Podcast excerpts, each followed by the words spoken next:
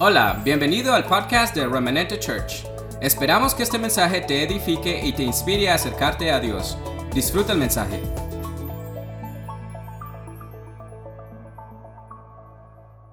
Quiero que reciban un saludo de todas las iglesias en Colombia y en Ecuador. Estamos creciendo, estamos ah, muy retados a todo lo que se va a hacer. Les invitamos a la convención mundial. Esperamos 1.500 personas en esa convención. Eh, hemos alquilado, se ha separado un lugar hermoso, un centro de convenciones y en la ciudad de Pereira, para los que no conocen, Pereira es como el Edén. Entonces, usted simplemente se imagina y ya. Entonces, eh, el eje cafetero no, de verdad que es muy hermoso. Y queremos invitarlos para noviembre 8, 9 y 10. Estaremos en la convención allí. Todos los que quieran ir, invita eh, bienvenidos. Todos los que quieran ir a comer bandeja paisa. Todos los que Aquí comen pollo saltado, pero allá comen bandeja paisa, no hay problema.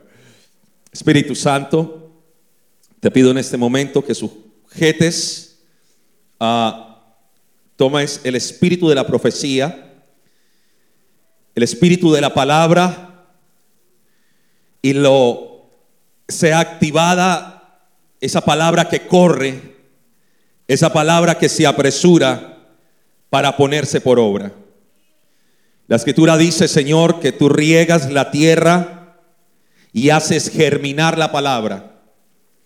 En este momento te lo pido que traiga un regar eh, sobre cada palabra que en esta casa has implantado para que germine y dé fruto en el poderoso nombre de Jesucristo. La iglesia dice, amén. Muy bien, vamos a hablar esta mañana sobre el poder restaurador. Si alguien me dijera qué es cristianismo, yo podría decirle que es restauración.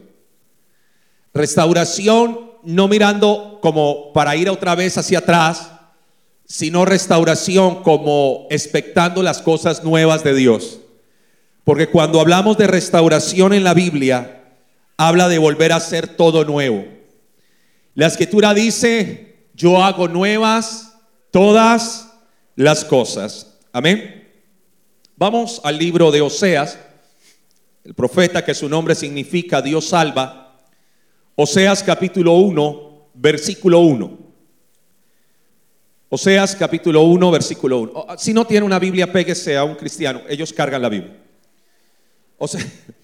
Oseas capítulo 1, versículo 1 dice, palabra de Jehová que vino a Oseas, hijo de Beri, en días de Usías, Jotán, Acaz y Ezequías, reyes de Judá, en días de Jeroboán, hijo de Joás, rey de Israel. Diga conmigo, vino una palabra.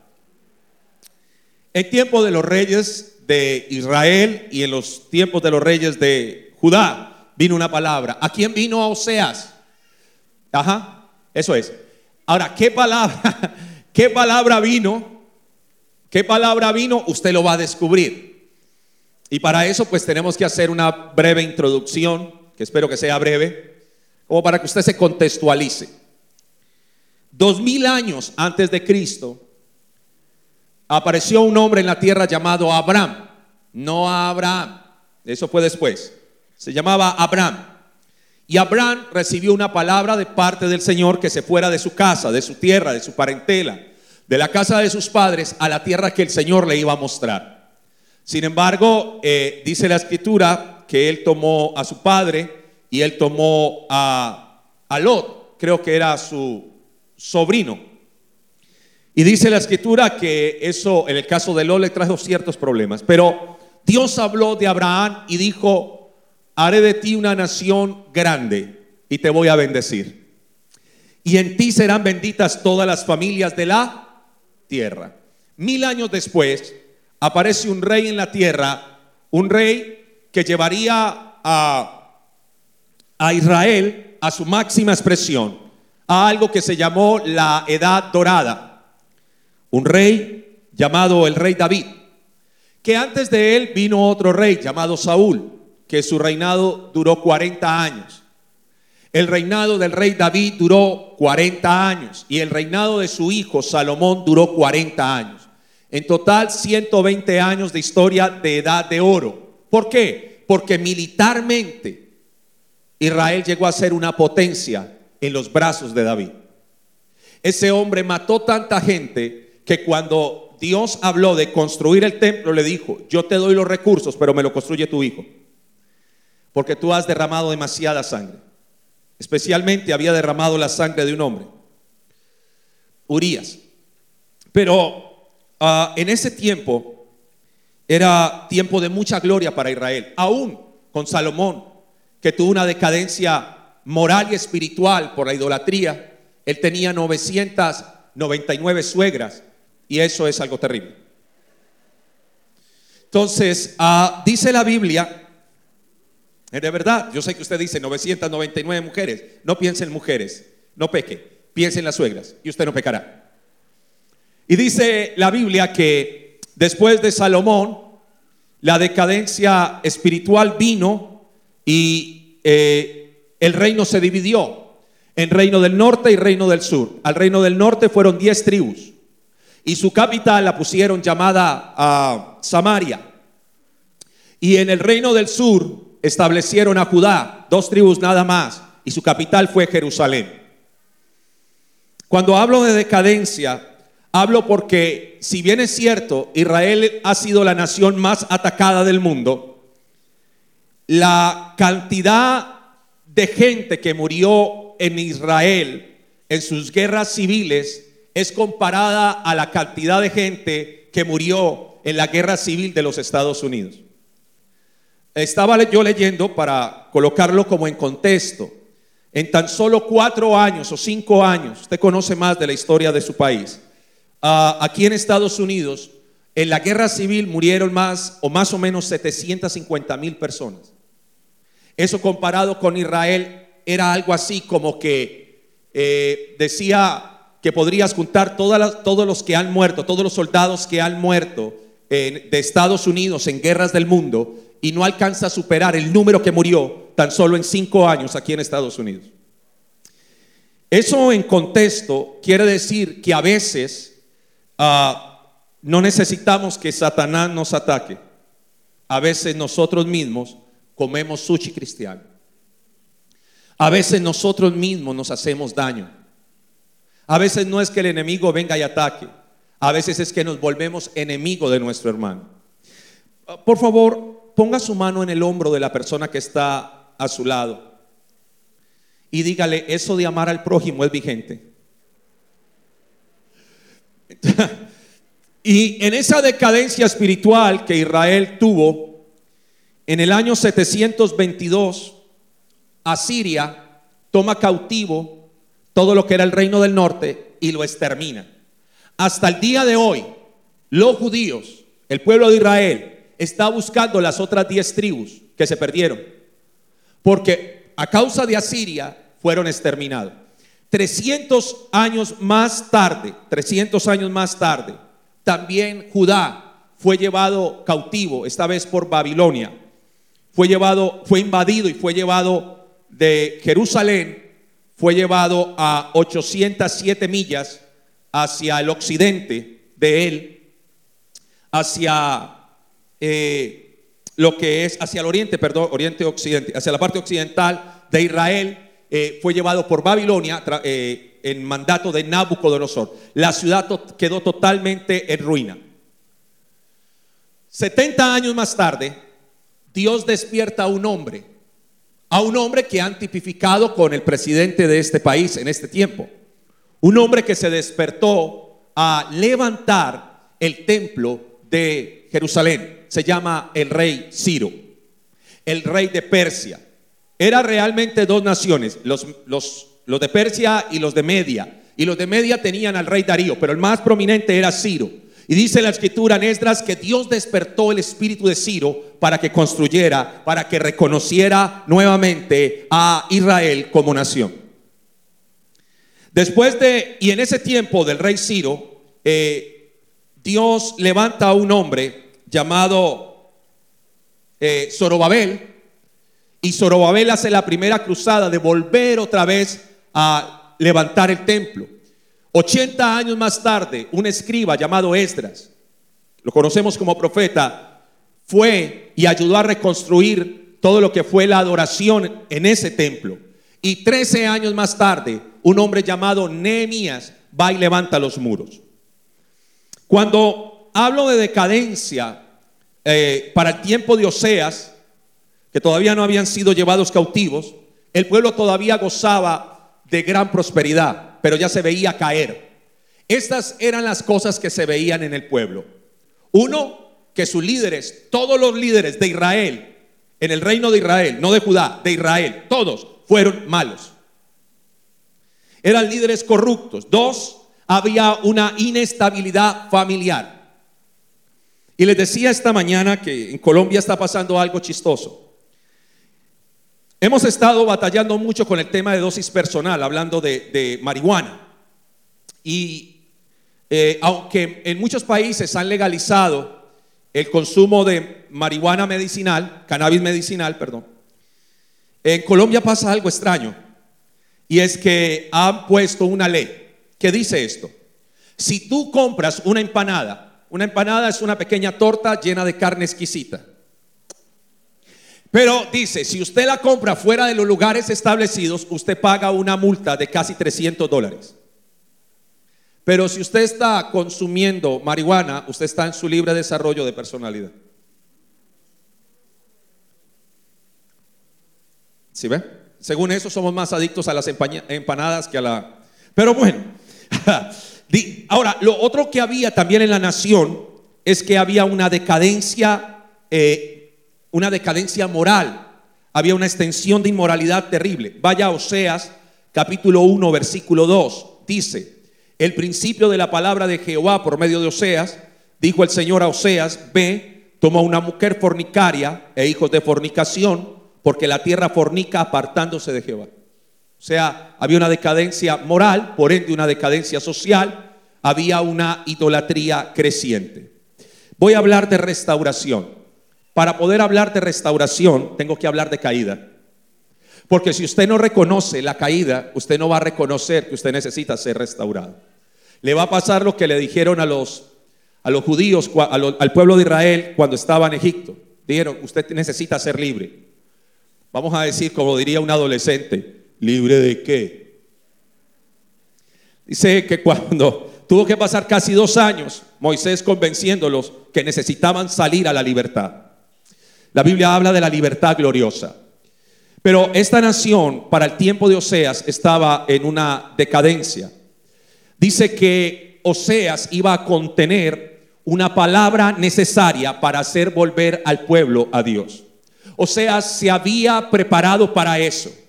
Oseas se había preparado para ser un profeta. Tal vez había ido a las escuelas de profetas que ya la Biblia dice que habían, de entrenamiento profético. Y todo lo que tenía que esperar era una palabra de parte del Señor. Era una palabra como la que usted está esperando hoy. Y de repente Dios trae la palabra. Y sea se alegra por eso.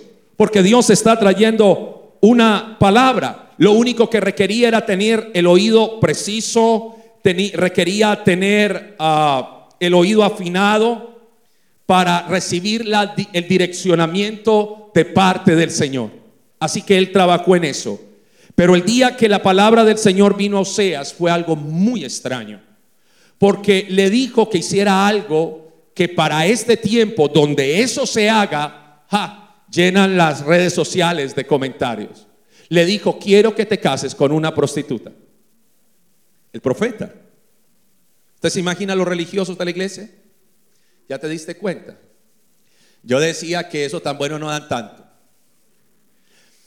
Cuando le vino la palabra, eso lo impactó demasiado a él. Porque Dios tocó un tema que usualmente él suele direccionar, pero él no obliga a nadie a casarse para que no le echen la culpa. Hay gente que dice, Dios te tiene preparado tu marido. Y yo digo, no es sushi. No es algo que Él tenga en una nevera y lo saque. Él ha dado diseños claros en la Biblia de qué hombre es el que usted se merece y qué mujer se merece. ¿Estamos? Pero cuando llega Oseas, llega con una palabra muy extraña y le dice, quiero que te cases con una mujer fornicaria. Eso lo impactó. El tema era que ante este mandato del Señor, él quería que Oseas llevara el sermón en su sangre. El destino profético del profeta era experimentar en su propia carne la condición del pueblo. Era llevar en su llamado una marca difícil de borrar. Y era ve y cásate con una mujer prostituta. Ese era el mandato para los profetas. Usted dice, eso es terrible. Ok, déjeme, yo le pongo a Jeremías. A Jeremías Dios le dice algo extraño. Le dice un día, acaba de levantarse Jeremías, eh, lagañoso. Usted sabe que cómo se levanta uno. Y le dice, sabes Jeremías, quiero darte un mandato. Señor, quiero que salgas al pueblo con un bebidor. No dice bebidor, dice, quiero que salgas al pueblo con una vestidura transparente. ¿Qué es eso? Un bebidor. Y le dice, ¿y por qué? Dice, porque este pueblo está así delante de mí. Usted dice, eso es terrible. Esperen, le digo lo que le hizo a Ezequiel. Le dijo Ezequiel, acuéstate ahí, sobre unos ladrillos. Te voy a amarrar para que no te muevas. Y vas a comer, eh, vas a comer tu propio estiércol porque así es esta nación, se come su propio estiércol. dijo, no, no, no, no, no, no, no puedo probar cosa inmunda. Dijo, ok, estiércol de vaca comerás. O sea, les tocaba cosas duras, difíciles. A nuestro rey Jesucristo, nuestro amado, le tocó ir a una cruz desnudo. Ahora, que le ponga pañal es una cosa, pero le tocó pasar la peor vergüenza. El precio por ti, por mí es muy alto. Entonces, en ese tiempo, ser profeta no es como hoy. Llega el profeta Juan Carlos Villa. No. Era algo, de, era algo muy duro. Porque a este le dijo, le dijo, quiero que te cases con una prostituta. Ahora, él dice, dice la escritura, usted lo va a ver ahora, que él se casa con Gomer, versículo 3. Dice, fue pues y tomó a Gomer. Gomer quiere decir escogida, él la escogió. Se sabía hasta de quién era el papá de la prostituta, Diblain. Y no, no, no es fácil para. Me imagino a los papás de Osea, Oseas, estás loco. Yo me imagino si su mamá era Gomela, ah, porque Oseas, yo me imagino, Oseas, nos vas a dañar el, el apellido. ¿Y cómo le explicaba él que era una palabra que tenía que cumplir? Era algo muy difícil, pero era causa de la decadencia espiritual. A veces yo puedo ah, acordar contigo lo que la escritura dice. Y la escritura dice que tal es el sacerdote, tal es el pueblo. Por eso usted debe preocuparse de su pastor. Pero a veces sucede como en Oseas, que tal es el pueblo Tal es el. Es decir, tal es el sacerdote. Era el pueblo, su condición espiritual, que terminaría afectando la vida del sacerdote. Afectaría su vida para siempre. Luego empieza otro proceso en esa decadencia espiritual y es el destino profético de los hijos.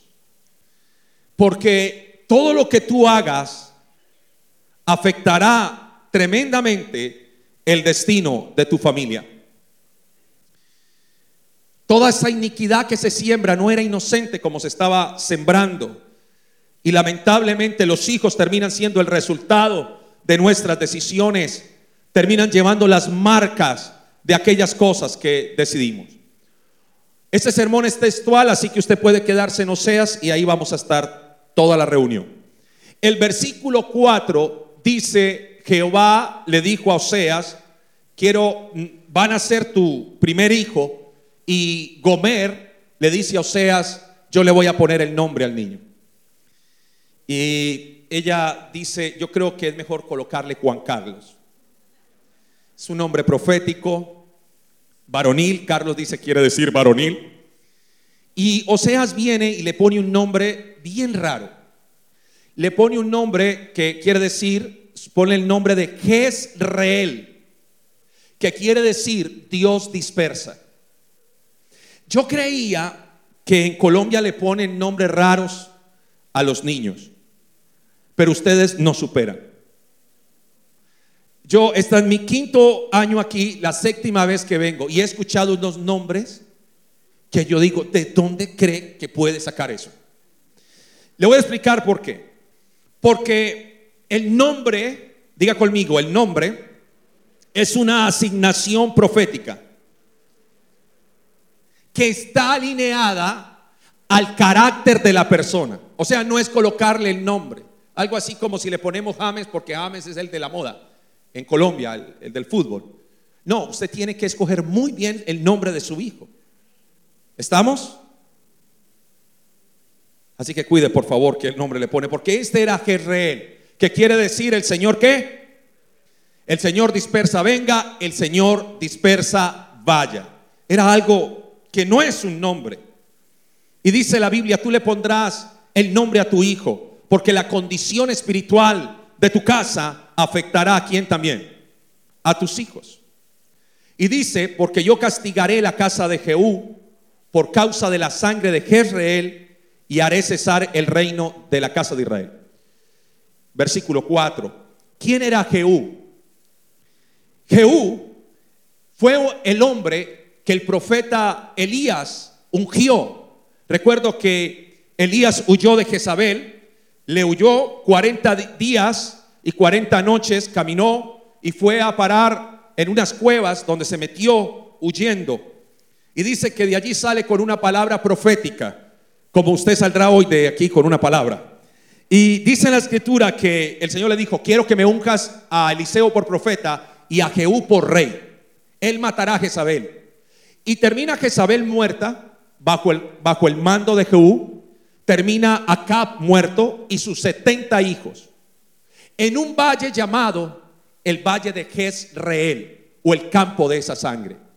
Pero el, el problema con Jehú es que dice la escritura en segundo libro de Reyes que no cuidó en andar en la ley de Jehová, el Dios de Israel, con todo su corazón, que no se apartó de los pecados de Jeroboam, en los cuales habían hecho pecar a Israel.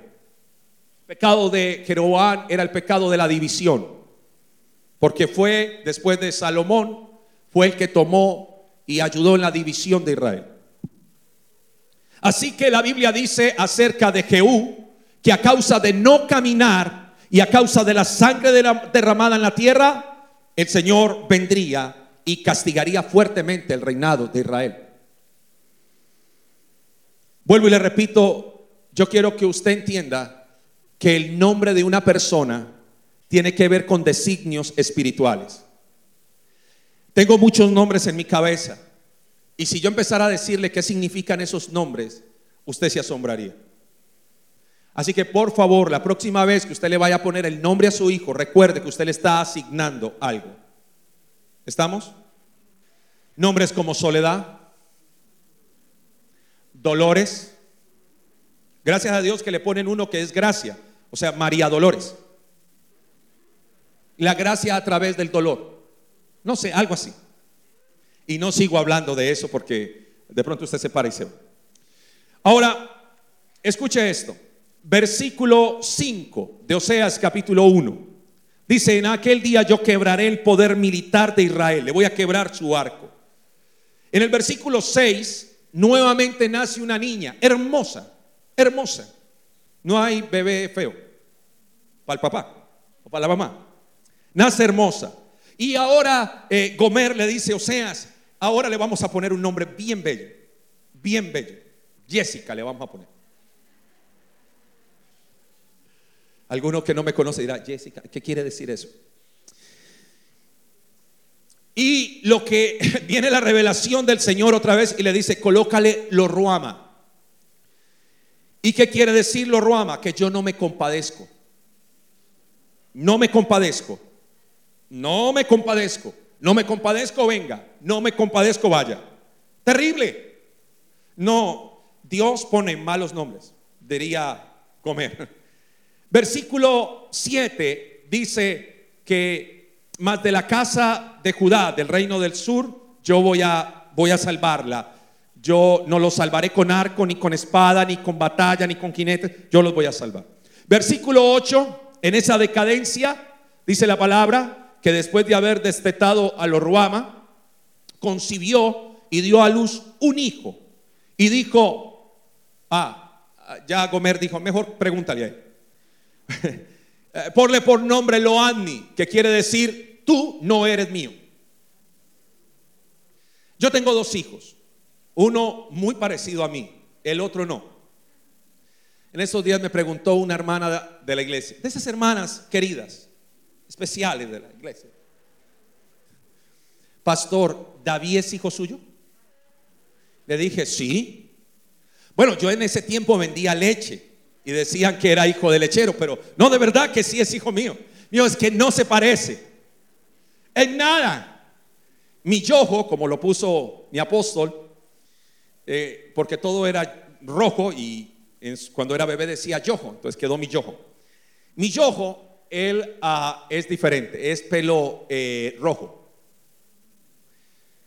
No es, y es blanquito, hijo de lechero. Pero es hijo mío. Lo que quiero decir es que de Loani, Dios dijo, ponle el nombre de que no es tuyo. Y es terrible. ¿Cómo se llama tu hija? No es mía. Recuerde, diga conmigo, la condición espiritual de la casa afecta a los hijos. Diga, el pecado afecta la próxima generación. Todos los pecados en la escritura afectaron los hijos.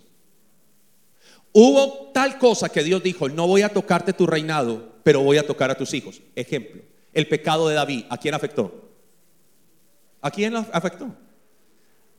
A los hijos. A él no, a los hijos. Él tuvo que ver como un hijo violaba a su hermosa hija Tamar.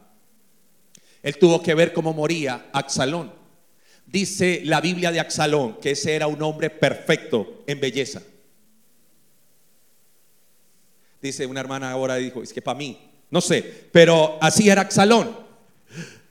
Ah, era perfecto. Dice que su cabellera cuando lo acortaban llegaba a pesar dos kilos. Imagínate. Es una cosa impresionante. Ah, escuche esto. Todo pecado afectará a nuestra generación. Y eso tenemos que tener cuidado. Me preocupa, hijos, que nuestros hijos hablen del Dios que nosotros conocimos y no del Dios que ellos están conociendo me preocupa. Me preocupa demasiado. Quiero preguntarte, ¿con qué pasión siguen tus hijos a Dios? ¿Dónde están tus hijos ahora? Sin embargo, en el versículo 10 dice la Biblia que al final el Señor promete para la casa de Israel, dice que los hará como la arena del mar, que no se puede medir ni contar, y en lugar donde se fue dicho, vosotros no sois pueblo mío, dirán, vosotros sois hijos del Dios viviente. Oh, qué descanso. O sea que si era hijo suyo. En el capítulo 2, luego de ver esa decadencia espiritual, Dios da una orden y es enfrentar el pecado. ¿Por qué? Recuerde que Osea se casó con una prostituta. Y un día Después de tener tres hijos, a comer se le da la loca idea de decirle a Oseas, Oseas, gracias, eh, pero, pero yo no soy mujer de casa. Yo quiero que usted me deje ir. Oseas eh, habla con los muchachos, porque dice la Biblia que habla con los muchachos, y les dice la verdad. Les dice su mamá, su mamá es una mujer que fue prostituta, y su mamá se quiere ir. Dice la Biblia que ellos contienden con ella, que pelean con ella, que le hablan a ella de una manera fuerte, pero ella no atiende y ella se le va a Oseas. Para Oseas fue muy duro someterse a que por más que la enfrentaron, ella siguió en su pecaminosidad porque no fue arrancado eso de raíz. Algo así como, yo sé que si él se casa conmigo, yo lo cambio. Yo sé que si ella se casa conmigo, yo la cambio. Pues lo cambiaron por otro. Porque porque la gente no cambia cuando se bueno, sí cambia cuando se casa. El problema es que la mujer espera que cuando se casa, si él le abría la puerta, ahora y, y la entraba cargada, ahora haga eso. Pero el hombre es como el león. Cuando ya tiene la presa se relaja. Y es una locura. Voy a seguir mejor la predica. Enfrentando la condición espiritual. Termino dando terapia aquí, no. Oseas 2.1. Dice la palabra, decida a vuestros hermanos Admi y a vuestras hermanas Roama. Recuerde que él había dicho que sí los iba a reconocer. Le dice, contended, contended con vuestra madre, contended, porque ella no es mi mujer ni yo soy su marido. Aparte pues sus fornicaciones de su rostro y sus adulterios de entre sus pechos. Es decir, el único que no sabía que Gomer era infiel era Oseas. El único que no se había dado cuenta, pero ya en el pueblo sabían todos que Gomer no andaba bien. No, Gomer. Y como todo lo que pasa con los hermanos que suelen tener sueños y lo cuentan, pero cuando ya pasaron las cosas. Hermana, ¿cómo le parece que yo soñé que a usted se le metieron a la casa? Y eso fue como hace un mes, pero yo tengo esa palabra aquí, yo tengo que decírsela.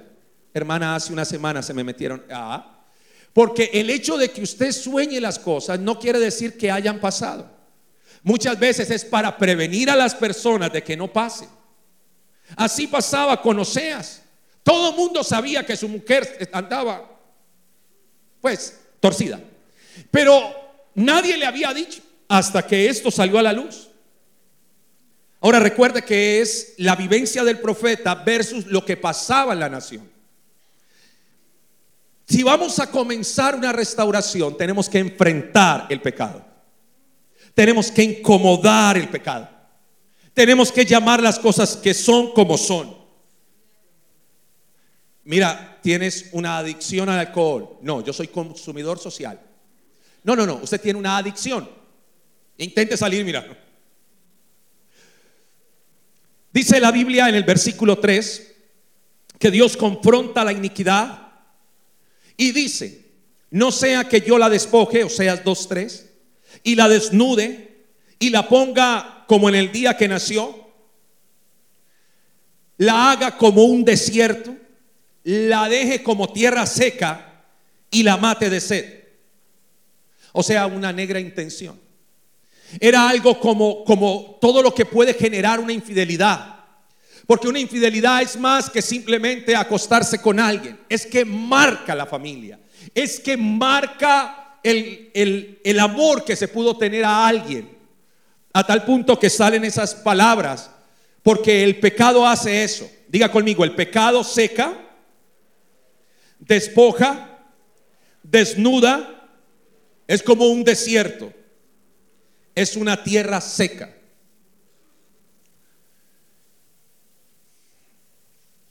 Versículo 5. Dice, porque su madre se prostituyó. La que los dio a luz me deshonró, porque dijo, iré tras mis amantes, que me dan mi pan y mi agua, mi lana y mi lino, mi aceite y mi bebida. Hace días atendía a una jovencita. Me dijo, lo más doloroso es saber que esto que me pongo le cuesta el cuerpo a mi mamá en España. Para ella haberse dado cuenta. Yo quiero que usted entienda en qué ciudad hemos establecido remanente.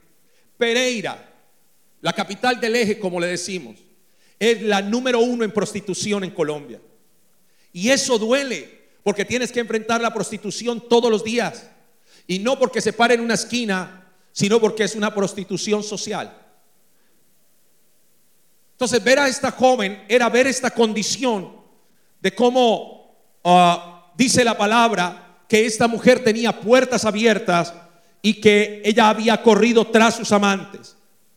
Toda puerta abierta al pecado, buscará llenarse. Esta mujer pensó que podía comprar amor. En el versículo 6 dice, por tanto, y aquí va a empezar unas palabras proféticas a ser lanzadas, que las voy a decir. Por tanto, he aquí yo la rodearé de espinos su camino y la cercaré con seto y no hallará sus caminos. Esta es la primera palabra que quiero decirles. El Señor te llevará a un límite donde buscarle a Él no sea una opción, sino un caso de vida o muerte. Dice la palabra que el Señor, en medio de la confrontación, empezó a acercarle el camino, de tal manera que en ese camino de cepos y amarguras y dolores, ella se estaba acercando más al Señor. Y así acontecerá con gente de su casa, que el Señor ha empezado a acercarles el camino, a incomodarles el camino para hacerlo volver a ellos. Así que cuando tú veas a esas personas de tu familia en esa condición, no te preocupes, el Señor los está acercando para acercarlo a Él. Cuando Catherine Kuhlman, la gran evangelista, se había enamorado de un hombre que no era su marido, sin embargo, ellos hablaron y dijeron que proféticamente él era el marido. Cuando su ministerio estaba en su peor caos, ella entró a una calle que ella la llamó la calle sin salida. Y ahí el Espíritu Santo la confrontó, la encerró y le dijo, toma una decisión, porque tendrás que devolverte. ¿Te devuelves conmigo o con Mister, como le decía ella? Y en el libro La hija del trueno revela que ella fue la última vez que vio a ese hombre porque ella había ocasionado que ese hogar se destruyera. Y ella nunca más, ella le mandó el divorcio. Y ella, a partir de ahí, se dedicó solamente a servirle al Señor. ¿Algún, alguno aquí dirá, ¿en serio? Ay, yo no sabía. Pues eso es así. Ahí está Gomer, rodeada entre espinos. Por eso muchas veces el Señor sale al encuentro para que no nos perdamos. Y en Oseas 2.7 dice la escritura, seguirá a sus amantes y no los alcanzará, los buscará y no los hallará. Entonces dirá, iré y me volveré a mi primer marido, porque mejor me iba entonces que ahora. Diga conmigo, el Señor conoce mis motivaciones.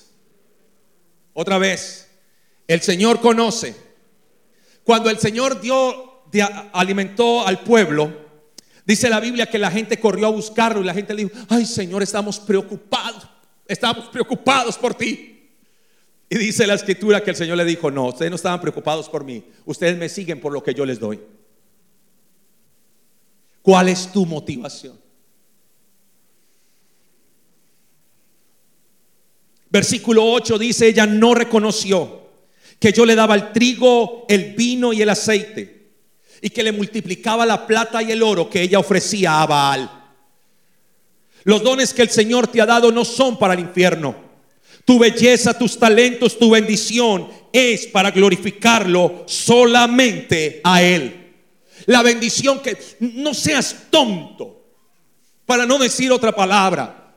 No no creas que eres tú, es Dios quien te bendice. Es Dios quien te abre las puertas. Si te incomoda, Alguno aquí podrá decir, me incomoda la bendición que Dios me está dando y oramos por eso. Porque el problema es que cuando Dios empieza a bendecir, te cuestionas el dar a Dios.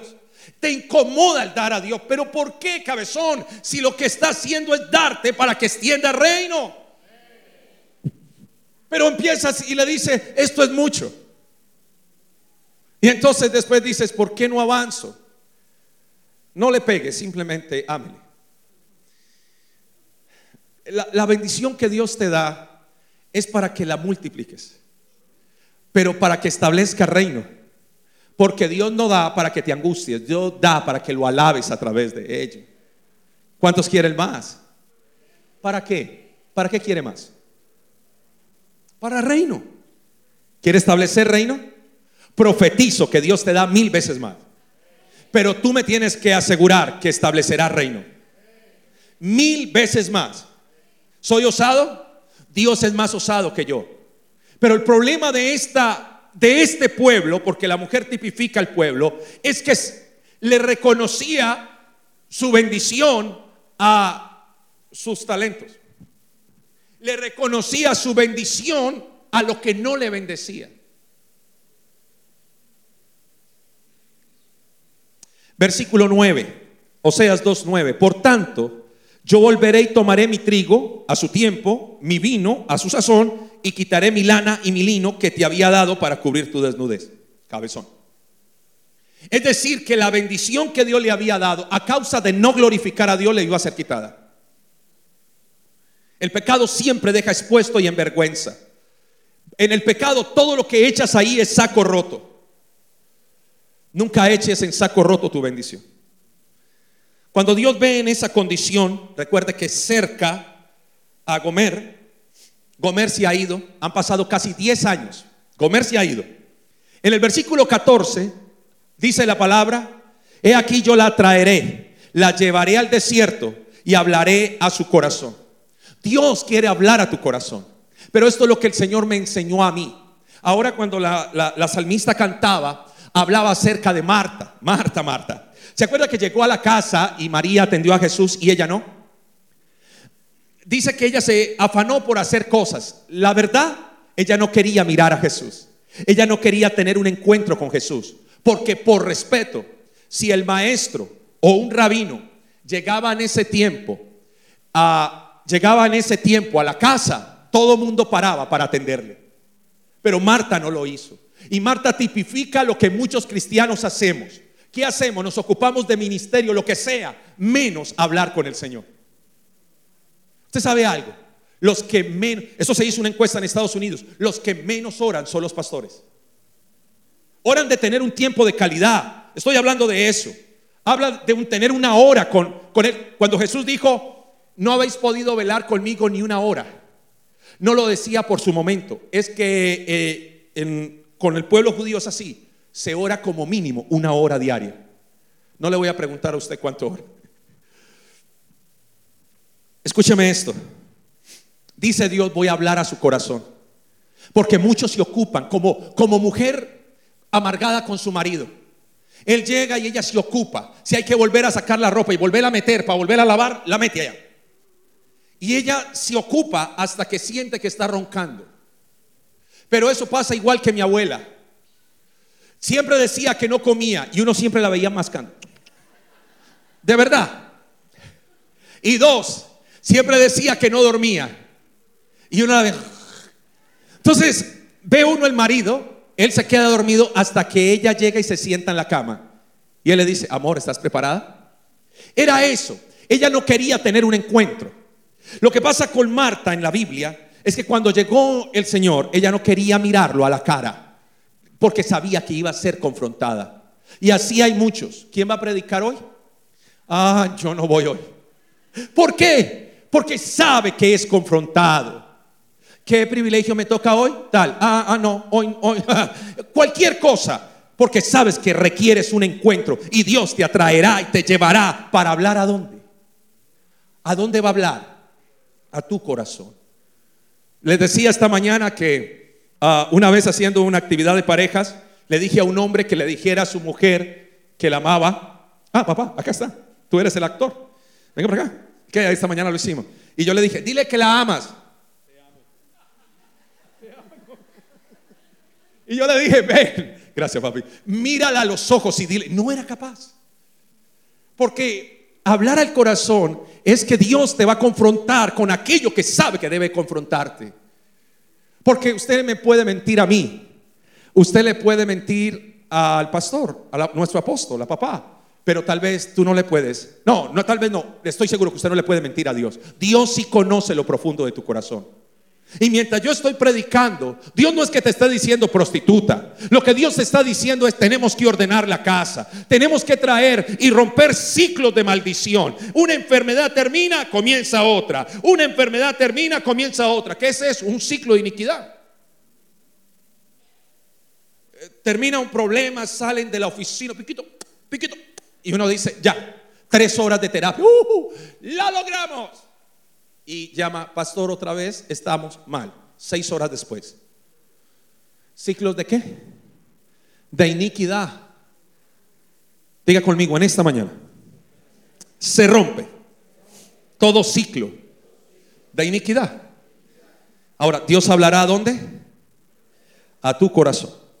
Versículo 15, te daré, y, y empieza Dios a decir, voy a restaurarte, te voy a volver a dar viñas, y voy a hacer del valle de Acor, que el valle de Acor sea por puerta de esperanza, y allí cantará como en los tiempos de su juventud, como en los días de su subida de la tierra de Egipto. Valle de Acor. ¿Sabe qué era el Valle de Acor? Le doy un pollo salteado al que lo sepa. Es lo que entiendo por pollo salteado. Vamos a saltar ese día comiendo pollo. Dice la Biblia que tomó Acam, cuando entraron a Jericó, tomó unos lingotes de oros y un manto babilónico y lo metió debajo de su casa. Porque todo lo que tú hagas afuera de su casa afectará el interno de tu casa, el interior. Entonces dice la palabra que uh, Israel empezó a perder y dijeron, ¿qué pasa? Algo pasó. Y cuando el Dios reveló, era Acán. Cogieron a Acán, a sus hijos, a su esposa, a todos, los apedrearon y se llamó el Valle de Acor. Y Dios dice y da una palabra y dice, el Valle de Acor, lo que antes era vergüenza, será puerta de esperanza. Y esta es la palabra profética que lanzo. Hay un cambio de escenario en esta mañana. Todo lugar que ha sido tu vergüenza, Dios lo transformará en lugar de victoria. Todo lo que te ha sido por debilidad, Dios lo transformará en tu mayor fortaleza. Todo lo que ha sido por enfermedad, Dios lo transformará en tu mayor testimonio de unción y poder. Todo decreto que lanzaron en tu vida de muerte, Dios lo transformará en el más grande testimonio de vida en el nombre de Jesucristo. Y voy a aprovechar un poco lo que estamos haciendo. En Colombia hay un pastor que se está secando. Por alguna razón, viene una enfermedad a él que lo está secando. Y yo creo en la unción colectiva. En esta hora, sobre Juan Carlos Taborda, declaramos vida sobre sus huesos, vida sobre sus tendones, vida sobre sus sistemas. Y a ti enfermedad, toda artritis reumatoidea te declaro vencida por la sangre de Cristo.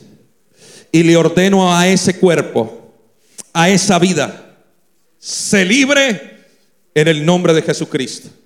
Enfermedad, huye de su cuerpo ahora, ahora, ahora. Míreme acá. Todo valle de acor en tu vida, toda vergüenza en tu vida, todo rótulo, todo bullying cristiano, que existe el bullying cristiano. Ah, en Colombia, aquí no. Eh, todo bullying cristiano tiene, eso va a cambiar todo rótulo que te han puesto. Que cada vez que se acerca alguien a tu vida, falta, no falta la hermana chismosa que empieza, hmm, pilas con ella. Yo le conozco su vida, 10 dólares y le cuento. No dice 10 dólares, simplemente le dice, vamos a un Starbucks. Eso se da en las iglesias. Dice la Biblia en Oseas 2.16, en aquel tiempo, dice el Señor, me llamarás Ishi no Isi. Ishi. Y nunca más me llamarás Baali. Ishi quiere decir el amado. Ya no me llamarás. Ishi quiere decir el amado. Ya no me llamarás amo, sino amado.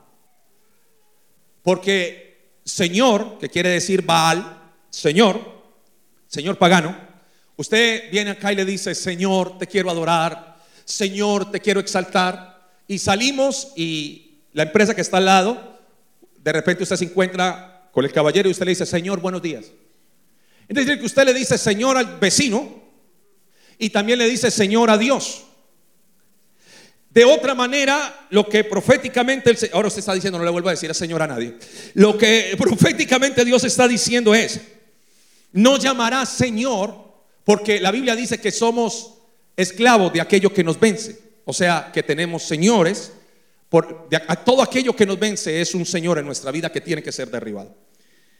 Y la Biblia dice, ya no llamarás mi nombre Señor, porque el Señor le dices a cualquiera, me llamarás el amado.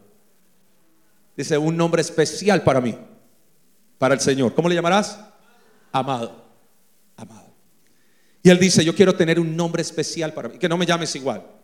Es como la mujer, que en Colombia es muy típico, que las personas tienden a ser muy dulces al hablar. ¿Qué papi? ¿Qué mami? ¿Qué mi amor? ¿Qué preciosa? Y la mujer dice, pues eso también me lo dice a mí. No hay nada especial.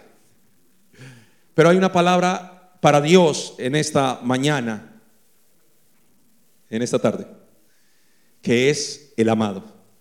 Él es muy celoso en eso. Él quiere que tú le llames de manera especial para Él. ¿Cómo le llamarás? El amado, ¿verdad? Es, bien interesante. Muy bien. Dice la Biblia en el versículo 17, porque quitaré de tu boca los nombres de tus baales y nunca más los mencionarás. Dios es especialista en hacer olvidar el sabor y el olor de tu pecado. Dios quita nombres de tu cabeza, personas que te han sido por caída. Dice la Biblia en el versículo 18 que yo haré pacto contigo en esta restauración y yo te voy a hacer dormir segura.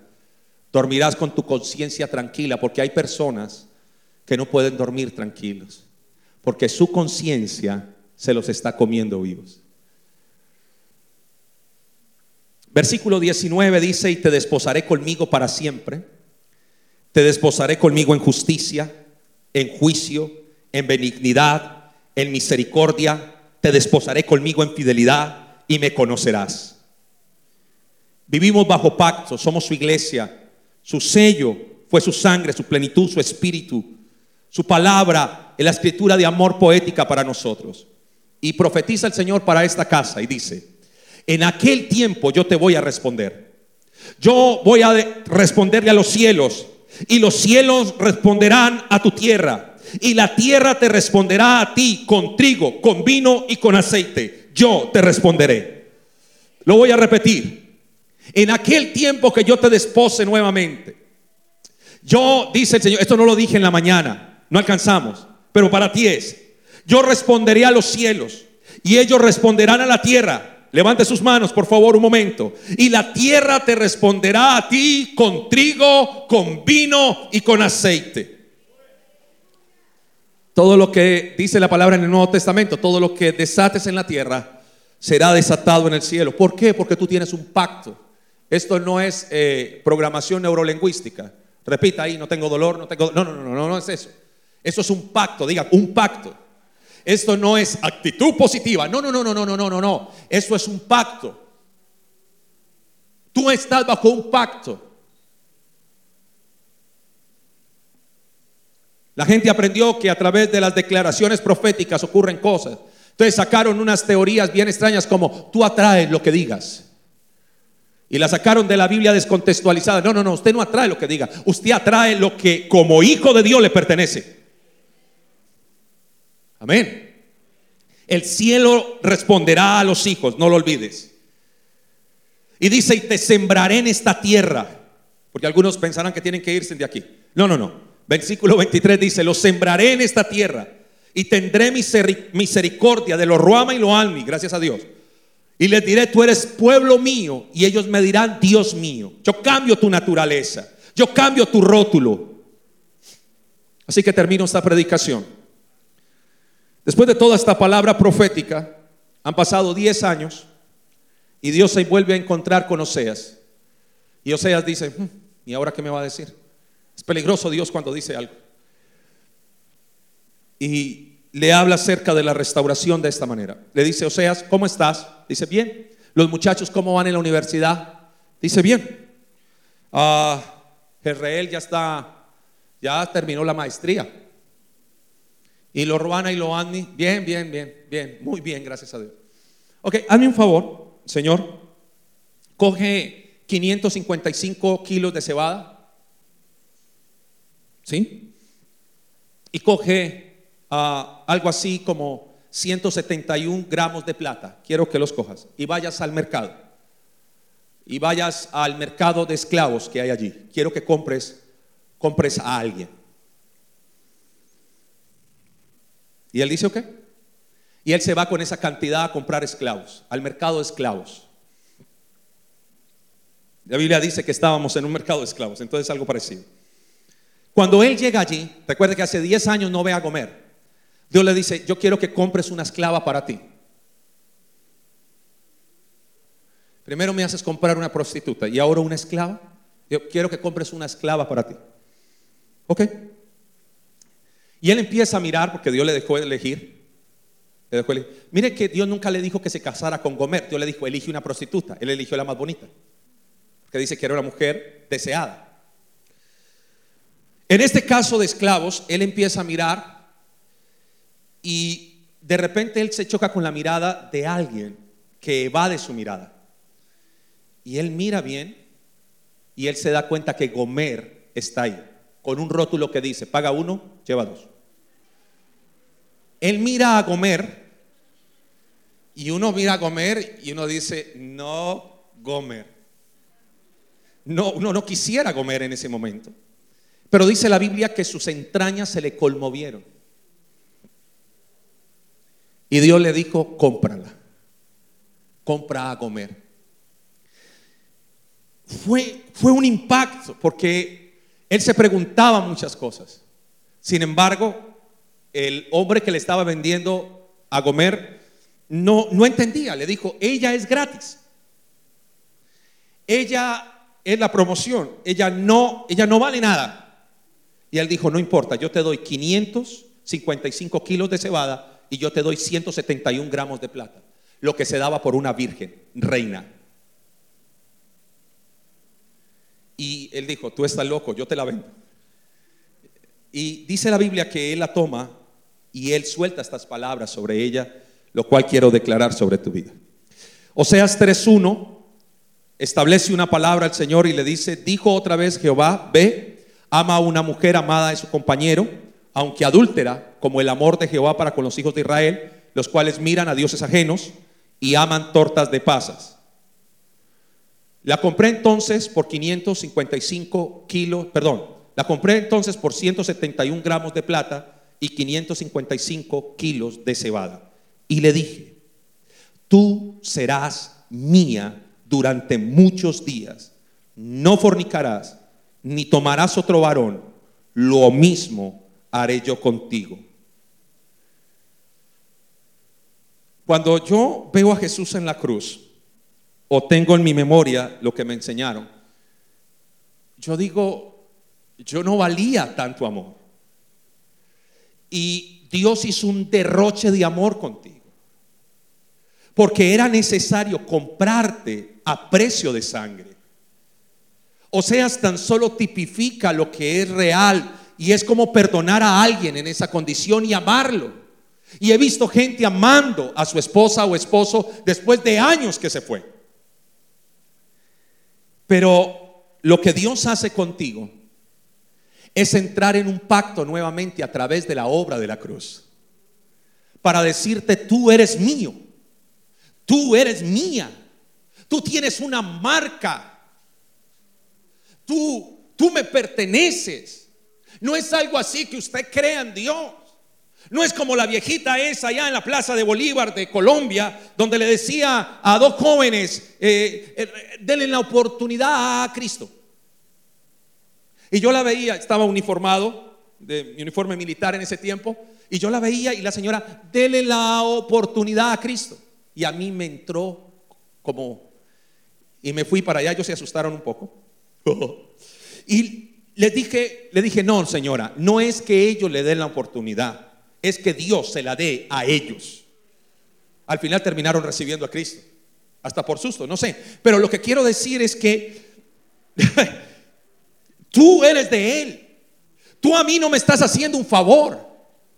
Yo te estoy explicando lo que te pertenece. Hay un pacto de sangre, porque tú has sido infiel con Dios y yo también. Porque porque hemos jugado muchas veces a ser cristianos.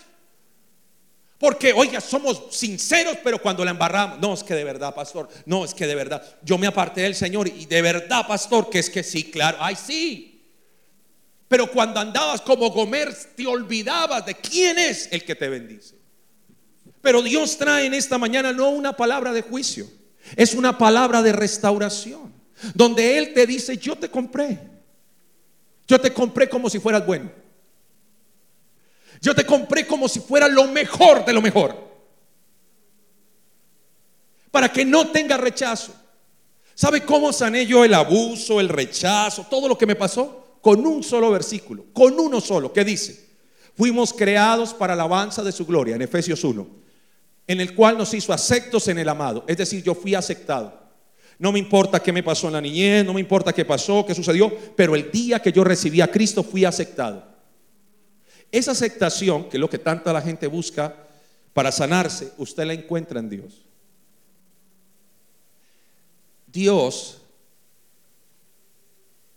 ha dicho, yo te quiero restaurar, yo voy a hacer que el cielo te responda, que el cielo responda a la tierra y la tierra te responda a ti. Yo entro en pacto contigo y yo pago para ese pacto. O sea, no son palabras, son hechos. Lo único que tú tienes que decir es lo que dijo, dice toda niña en el altar que tiene que decir. Ah, mira, tan lindo, sí, aceptos. Es eso. Lo único que tienes que decir es sí. ¿Cuántos dicen sí? Sí, ¿verdad? Que no nos pase lo que le pasaba al apóstol por allá en África, que no es sí y sí es no. No, no. Gracias a Dios que aquí podemos decir sí. Acepto, acepto tu pacto Restáurame. Y cuando Dios restaura, vuelve al diseño original y mejor. Amén. Esperamos que este mensaje haya sido de bendición. No te olvides de suscribirte a nuestro podcast y seguirnos en Facebook e Instagram arroba remanente church.